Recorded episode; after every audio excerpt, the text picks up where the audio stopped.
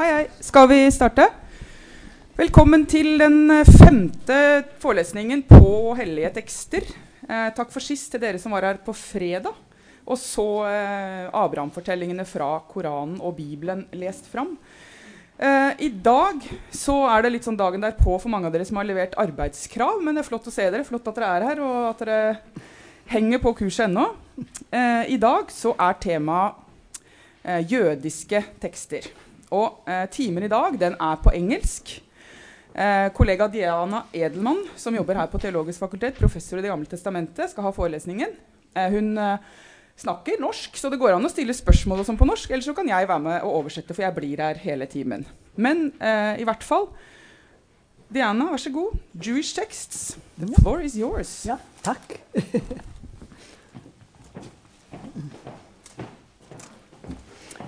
God morning.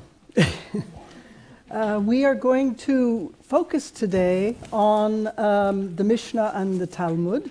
Uh, there are a number of Jewish texts, uh, but we are, we're starting today with um, the oral, t- the oral tradition. Um, I'm assuming that you've already learned a little bit about Tanakh. Is that correct? Yeah. So within Jewish tradition, there is tradition that uh, at Mount Sinai, Moses was given two forms of teaching. The shorter one was written down in Tanakh, well, actually in Torah, but expanded to Tanakh, what we have in the first five books. And then a larger amount of teaching was given orally, and that oral teaching was handed down until it was eventually written down. So, why do you think tradition would want to associate this orally based tradition that eventually is written down with Moses and trace it all the way back to Moses' giving? What, what, when you do that with a sacred text, why would you do that? Any ideas? Yes? It, yes, it is to give authority to the text and show that it has great authority and weight because it also comes from Moses. We see this in uh, religious tradition. We see sayings, sayings of Muhammad, sayings of Jesus. Um, when scholars study the sayings, one can always ask the question how reliable are those sayings? Do they actually come from the people they are associated with? And that's a very modern question for us. Because for us, if we deny that Moses would have passed on this oral tradition, we're saying that's a lie. Someone's lied to us about that. But that's not the ancient mentality. The ancient mentality, as you're going to see, is to associate teachings with figures of authority. It's not whether or not it's valid. That question wasn't actually asked. It is, it, it is a way of lending authority to things. They didn't think of this in terms of lying. Okay, so the way, according to tradition, that, that what we're going to be looking at, what we, comes down to us in the Talmud, was transmitted, was given to Moses at Mount Sinai, or if you're reading, that's from the book of Exodus, or if you're reading the book of Deuteronomy, it's called Mount Horeb. So we have two forms. Moses gave it to his successor, Joshua. Joshua passed it on to the elders. The elders passed it on to the prophets. The prophets to the men of the great assembly, the Sanhedrin, which is later, um, which emerges much later in time. Um, then the great assembly gave it to the leaders of the Pharisees, and the Pharisees gave it to the earliest rabbis, and their words are what are recorded now in the Mishnah, which we're going to take a look at. Oopsie. Next. So I mentioned the Pharisees. Some of you will be familiar with the Pharisees, right? Because uh, they're mentioned not in a very good light in the New Testament. but who were the Pharisees? Because they're the, they are just second to last in this transmission chain. Well, the Pharisees were scholars, Um, and they wanted to extend the idea of holiness to go beyond just the borders of the temple. So you can live your life in a secular way. When you go to the temple, things are supposed to be holy and it's holy ground, and you have to wash yourself when you enter the ground. And then there are limited spaces within the temple complex where civilians can go, so to speak. Only priests are allowed inside um, the temple court, going, and then only certain priests inside the temple itself. But the Pharisees thought, even when the temple was standing, that one should extend that holiness to everyone's daily routine in life. And so they developed a lot of regulations that they derived from the biblical text that were usually associated with special events, with festivals or offering of sacrifices at the temple, and applied them to everyday life. Now, the authors of the New Testament didn't take too kindly to this. They felt that this was imposing a lot of restrictions on people. And today, uh, those pe- though if, if, if you speak to a liberal Jew, they might very well say to you, yeah, Orthodox and, and the, the Hasidic movement, these are so restrictive. You have to do all these things, you know. Who wants to have to deal with all those rules? So this, this idea continues today, actually, as a debate. But for those who observe it and live those rules, it makes daily life a constant source of opportunities to fulfill the law, divine law, and make life sacred. And this attitude shows you how central the understanding is within Judaism of the scripture, both the written scripture and the oral scripture that's going to develop. It's so important to understand God's will as expressed in these passages that you have to study it. And you devise rules so that can, you can apply it to your life, your everyday life. And that's what the Pharisees were doing. Of course, not everyone was a Pharisee, and not everyone went along with them. But the Pharisees did that, and then um, the temple was destroyed in 70 of the Common Era, and you no longer had a place where you could go to offer sacrifices that itself was holy. And then a group emerged, the rabbis emerged, and they sort of picked up on the Pharisaic idea, feeling now that there is no temple, we'd like it to be rebuilt, but maybe it won't. And so it's very important that we try to enact Torah in our lives and sanctify our lives. So the rabbinic movement wanted to continue this work, and it sort of combined the work of the Pharisees as well as another group who's mentioned in the New Testament, the scribes. Now, the role of the scribes, they were your scholars. And they devoted their entire lives to studying and teaching Torah. But they also developed techniques to interpret this source. So for both the scribes and the Pharisees, this, the teaching that you had in Tanakh is central and needed to be understood. It needed to be memorized. It needed to be explained to the common people who didn't necessarily read themselves. And then it needed to be studied. And there are passages where you have sort of missing information. So, for example, it says, You shall, ob- you shall observe Shabbat, the day of rest. Okay, how do you observe Shabbat? When does Shabbat start? Well, it doesn't tell us when it starts, it doesn't tell us when it ends. It says, You shall do no work, but what constitutes work? so it's not clear. But the rabbis decided we have to make very clear, you know, when we start it, when we end it, and what is considered work and what isn't, as a means of trying to our best ability fulfill this command that's given to us. So we get techniques to interpret Tanakh, develop, and draw out when information isn't there. They say that it is implicit in the Torah. It just wasn't stated, but we'll make it explicit. And then they interpret it further. So, this is what um, the early rabbis did, carrying on the work of predecessors. Now, the early rabbis um, were from the period from, say, 0 to 200 about. We had uh, rabbis who were active Uh, and they were drawing out various principles, particularly after the fall of the temple in 70.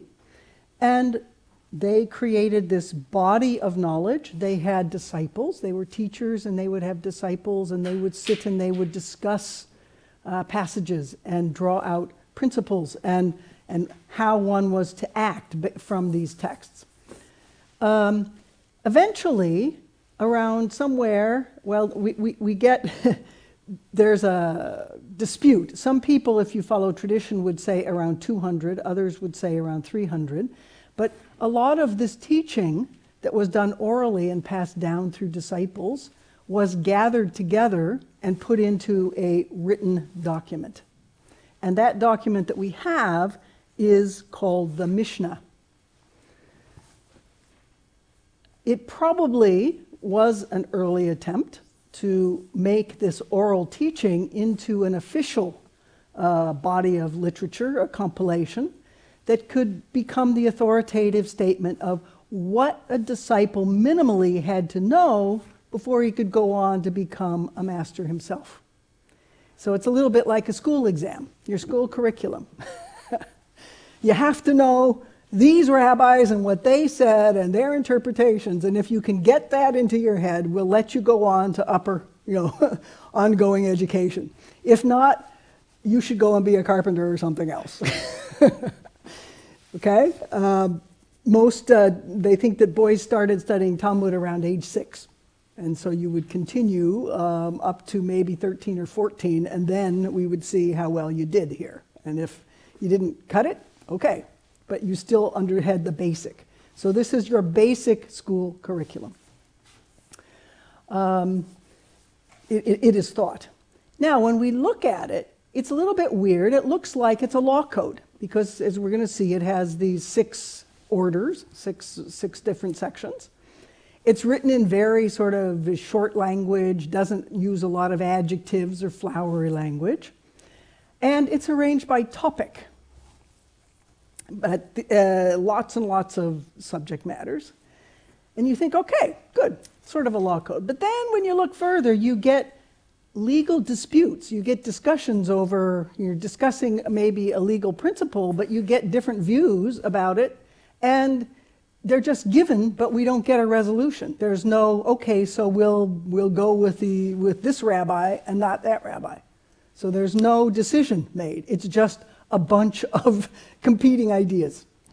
So that's kind of weird. Why would, you, why would you have that and not have a resolution? If it is really a law code, you want a way to be able to act. So that helps us see it's not really a law code. And, and I'll point out, you know, the, um, Torah, the word Torah itself, which is usually translated law, this actually means teaching. So when we hear law, we're always thinking in legal terms, but it goes well beyond that. Also, there's stories and interpretations of biblical passages, so it's not a law code. Um, well, what is it? well, said it's probably uh, sort of a curriculum in a way. Um, if we look at the meaning of the word Mishnah, it, it can mean studying something by repeating, because it, it, it, has something to do with the word second, the number two. Or it can be a secondary one, maybe in the sense of what is derived. And it's thought that originally Mishnah was a method of teaching that dealt, that went by topic as opposed to following the order of subjects that come up if you read through Tanakh. If you would start with Genesis and the first issue that arises, you discuss that, and then you keep going to the next verse, and if there's an issue, you discuss that. This is arranged topically. Um, and I'll just point out so we have Mishnah as a topical, systematic, ordered presentation that will cut across a lot of scripture and, and bring in other citations. And another approach is Midrash, where you're actually going through uh, the, the, the order of the first five books and you are discussing problems that arise in texts there. Um, Midrash, the second one, which is the, that follows the order of Tanakh, Midrash is Midrash is a process of interpretation that the rabbis use to fill in those gaps. When does Shabbat start? when does it end? What constitutes work?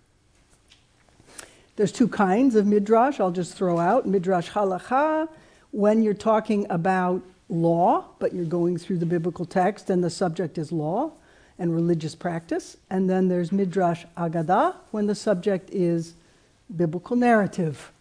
And there, questions can come up about ethics and theology, and there'll be folklore that can also come into the story. Okay, so let's take a look at the Mishnah. It's divided into six what are called orders, and each of those has deals with a very broad area of Jewish life. So, the first is Zeraim seeds. Each order is subdivided into Masechot, webbings, Masechet. Um, then there's 64 of those. They start with the longest ones and they move to the shortest ones.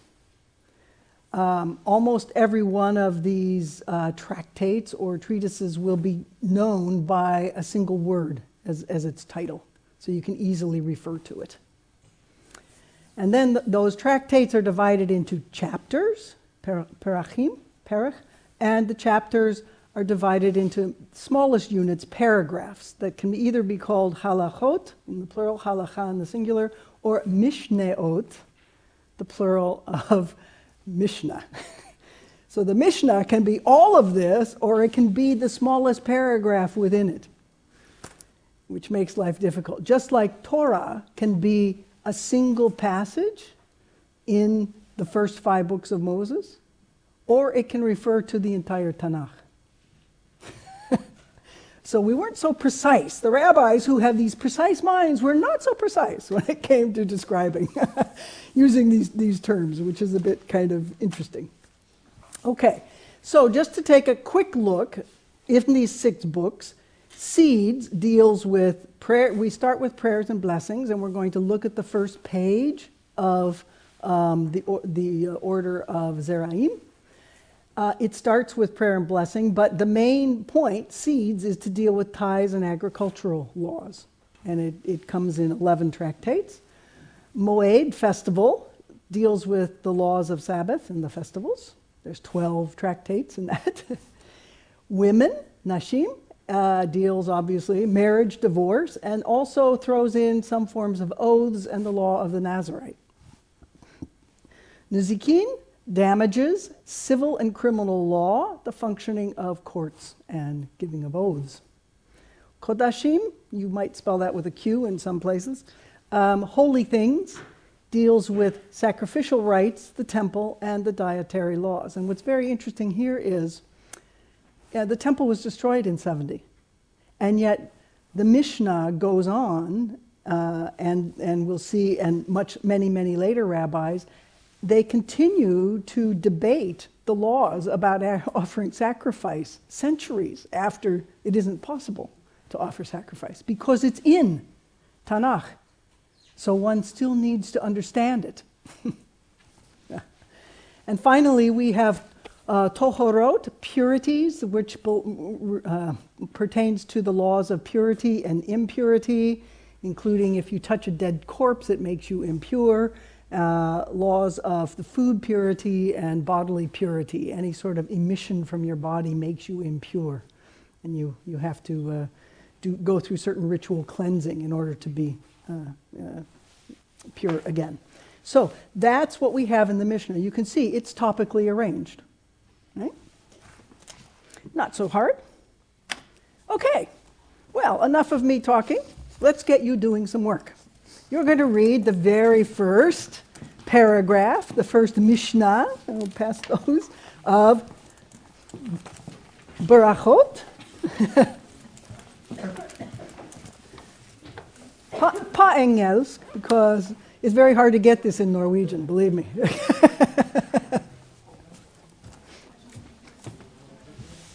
You're lucky this is short. so I want you to read it and then we're going to talk about your impressions of it and see what we've got. Do we have? There are more.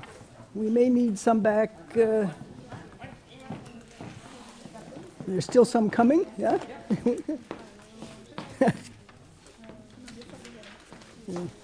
Here, we've got some here. I think you have one. You need. You have one. Okay, they are. Okay, okay.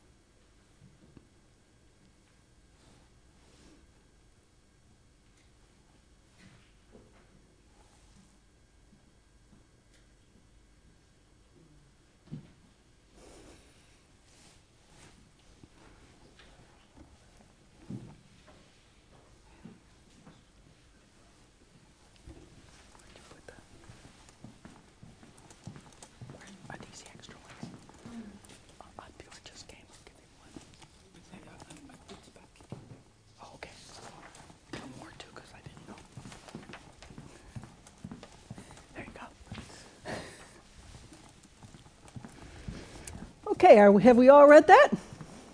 Isn't that just as clear as mud? okay, so the first thing, let's, let's, let's describe what you've got here. Okay, your first, what are your first impressions? Yes. Well, they openly uh, admit or say that there are different opinions on when to uh, when to do it. Okay, so we have cited differing opinions in this, and do we get a decision? Yeah, kinda. Do we? Do we get do, when you when we're done? Do we know when one should recite the Shema in the evening? Yeah, it seems like it. Okay, what do you think the? Uh, For to me, it seems at least until the until the break of dawn. Uh, at least that's the. Uh, I mean, the, the argument to um, until midnight is that no, they just said that so you wouldn't do it afterwards and and well then do a mistake and do it before dawn or after dawn. Okay, but then what about the second? You think that okay, that's good, but then it says, but if so, why did the sages say until midnight? Yeah, and it says to distance a person from transgression, like just like a, a buffer. Okay, well, most people, I mean, it is possible to say that maybe it's favoring, as, as you say, it's favoring this break of dawn. Um, but in the end, um, that's not 100% clear that that's the decision. Um, and, and usually it's understood that, that it isn't a firm decision, one way or the other, that tells us how we are to practice. So that's one very important point. We cite differing opinions and we might get leanings toward an answer, but it's not clearly said, ruling, do this. Okay, that's a very good observation. What else? Did you understand it? Why is it so hard to understand? What does it presume? What's the Shema? What's a Kohen? What's the Terumah? right? So this uses a lot of insider language. You, it presumes that you already know all of these things. It presumes you're very familiar with a certain way of life and words that will occur in the scripture. And that's part of your whole worldview. So you're immersed with all sorts of um, just, you know, presumed knowledge. So for an outsider, this becomes, huh, I haven't a clue where to start kind of a thing. It's hard to jump in. I am going to give you some notes and then we'll see if we can understand it better. But I, I, I want first impressions, you know, what we can see just in looking at this. So it assumes a lot of insider knowledge and it gives us competing different opinions about something. What else can you note? Is it all legal stuff in it? Is there anything besides legal opinions that we get here?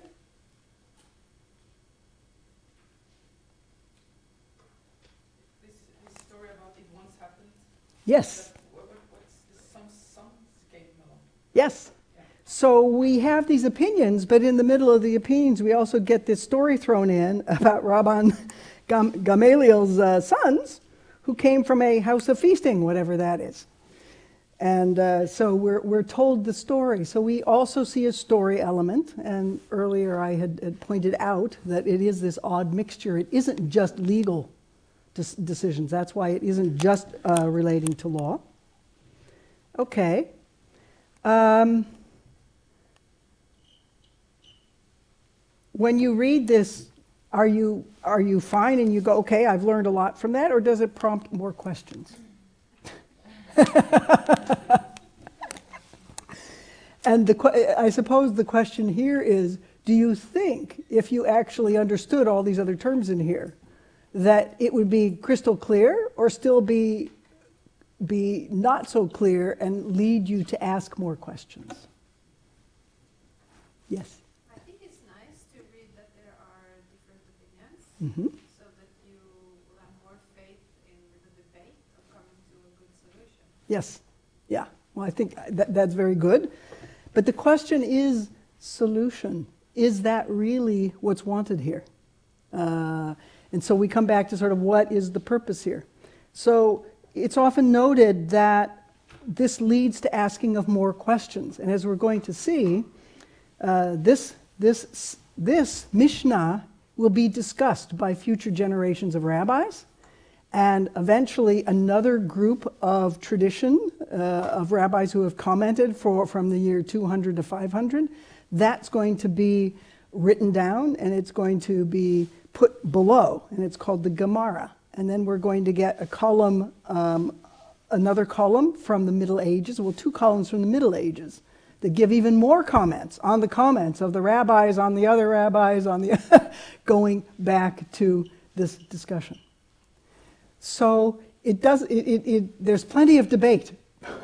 We don't get necessarily very firm answers, but it looks like this is part of the, the intention.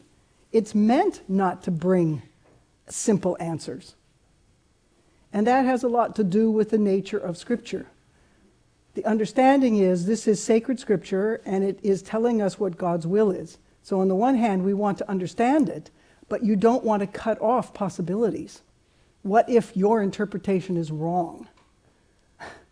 So it's there to point out the limitations of human knowledge, and this document is supposed to be coming from a divine source, and yet the striving of humans to try to understand that will that they believe has come from a God from beyond. So it is a nice sort of way of illustrating that. And uh, um, another point um, that is raised is uh, the Berachot, it, it's called 2a, and this, is, this refers to the page number 2. It doesn't start with 1, even though it's the first page. And so you can ask, well, why not? Why do they always start it with page 2 and not with page 1? And one explanation is, well, if you were putting this into a book, there'd be a title page, and that would be page 1, so you don't need that. But another explanation is it starts on page 2 because this means you will never have everything fully. Nothing is fully explained, and your, your duty is to study until everything is fully explained and integrated. So it becomes a lifelong task that is impossible, but one strives for. Okay, now I'm going to give you some notes, and we'll see if we can understand this a little bit better. How about that?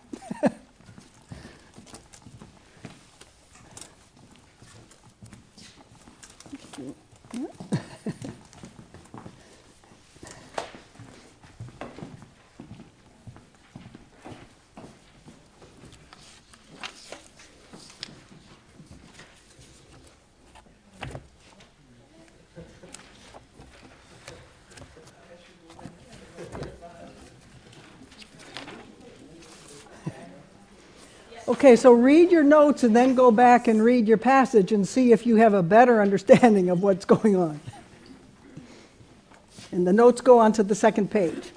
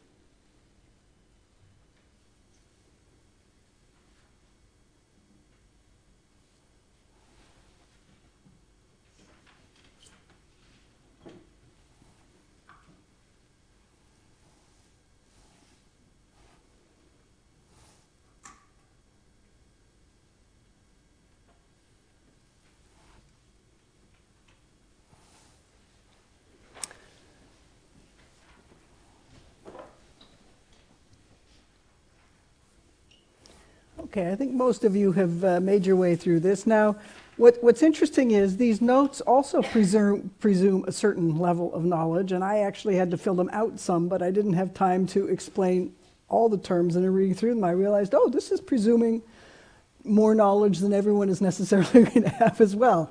But do they help explain some of what's going on in this passage? Certainly, right? We understand what, what the debate is about a little bit better now. And we can also sort of trace the, the development of the argument as it's put down. So, but the interesting thing is we start with reciting of the Shema. And the, why do we start with that? Well, the Shema is the central confession of faith within Judaism. And uh, so to open, open a, a larger discussion of, of uh, you know, six, six topics, one does want to start with prayer. Often um, uh, before study prayer, you know, prayer is, can be uttered as well. But it, it's not, so it's focused on the Shema, but instead of going on to talk about the Shema, we're on this technical point. We go instantly off onto a technical point, and that is the question um, in the regulations. It says that you you will um, um, uh, you will recite the Shema from your your lying down and your rising up. And so we're starting with what does rise what does lying down mean? What is the time of lying down? Or does it mean that you're physically asleep? Does it mean you go to bed? What time? So it's very much like this thing about when do you celebrate Shabbat? When does it start? When does it end? So we're off onto defining a later part of the regulation that says when you lie down. Okay, so the argument then we, we get, right? Um, it says, the time when the priests are going to eat their Terumah, their, their, the food offerings that they have, and they can eat it, or their family members, um, or their slaves, until the end of the first watch. Now, that's our first opinion, because that's not in the text. All it says is when you lie down. So we don't know who has said, but someone says it goes until the end of the first watch. Oops, we don't, do know. It's Rabbi Eliezer who said that. But then instantly, we're getting someone else saying until midnight. So we know there's a discrepancy between first watch and midnight. So we're having a discussion here. Okay? And then we get Rabban Gamaliel, who gives a third opinion. no, until the break of dawn. And then we get a justification. Okay? We get the story which is why he came up and extended this even later because he had a, uh, based on a real life occurrence where if someone was out at this uh, at you know carousing celebrating in a house of feasting and they didn't get home in time well okay we can extend it until just before dawn you know under really dire circumstances you know so okay so this is sort of pushing it to allow for its performance ultimately. Okay. Um, so that seems to be, so we've got three opinions there. And then what's in brackets is not actually in the text, but this applies not only to this case, this case of the sons, but they also point out then, well, if you're going to say it's okay for people who've been out drinking and they're coming home late, we also have to apply it to all other instances where you have this issue of, of when you lie down, at what time. So, the first then is burning of the fats and organs of sacrifices. That also should technically be extended then until the break of dawn if we're being generous. And another example, all the sacrifices that, ha- that, that can be eaten during the course of one day then we should say it's not just when you lie down. You could get up in the middle of the night again, you know, jump out of bed if you forget, and you can go and you can eat them until the break of dawn. So we see sort of how the legal mind is working. We see a story that, that supports the extension of one person's ruling. Then we say we, if we're going to go with that, then we also have to apply it to other instances, okay? Um, so that seems to be settled, perhaps. But then But then, why did the sages, why, how come not everyone agreed with that? How come did they say it should stop at midnight if, if we're going to push it to this later date?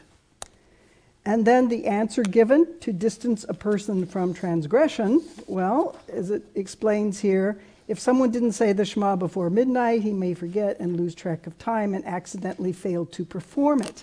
And since this is commanded to be done before one lies down or before one when one rises up, it is a commandment, a mitzvah. So it needs to be done. So you don't want to fall in accidentally for not not doing this. So we need to know how late and under what exceptional circumstances one can do it. It is the case, ultimately, that um, this tended to be the ruling that was followed, but not necessarily, oops, I don't think I'm going to get that off, um, everywhere. So we still have disagreement and we don't have an absolutely firm decision, but we, we, we, um, we get sort of, if you want to give, if you want to give the widest definition, we'll allow it to go that long.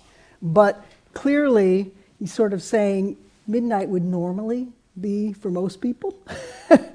so we're sort of getting, uh, that's where we end up. And this is starting a discussion about seeds. Okay, let's go take our break. 15 minutes, right?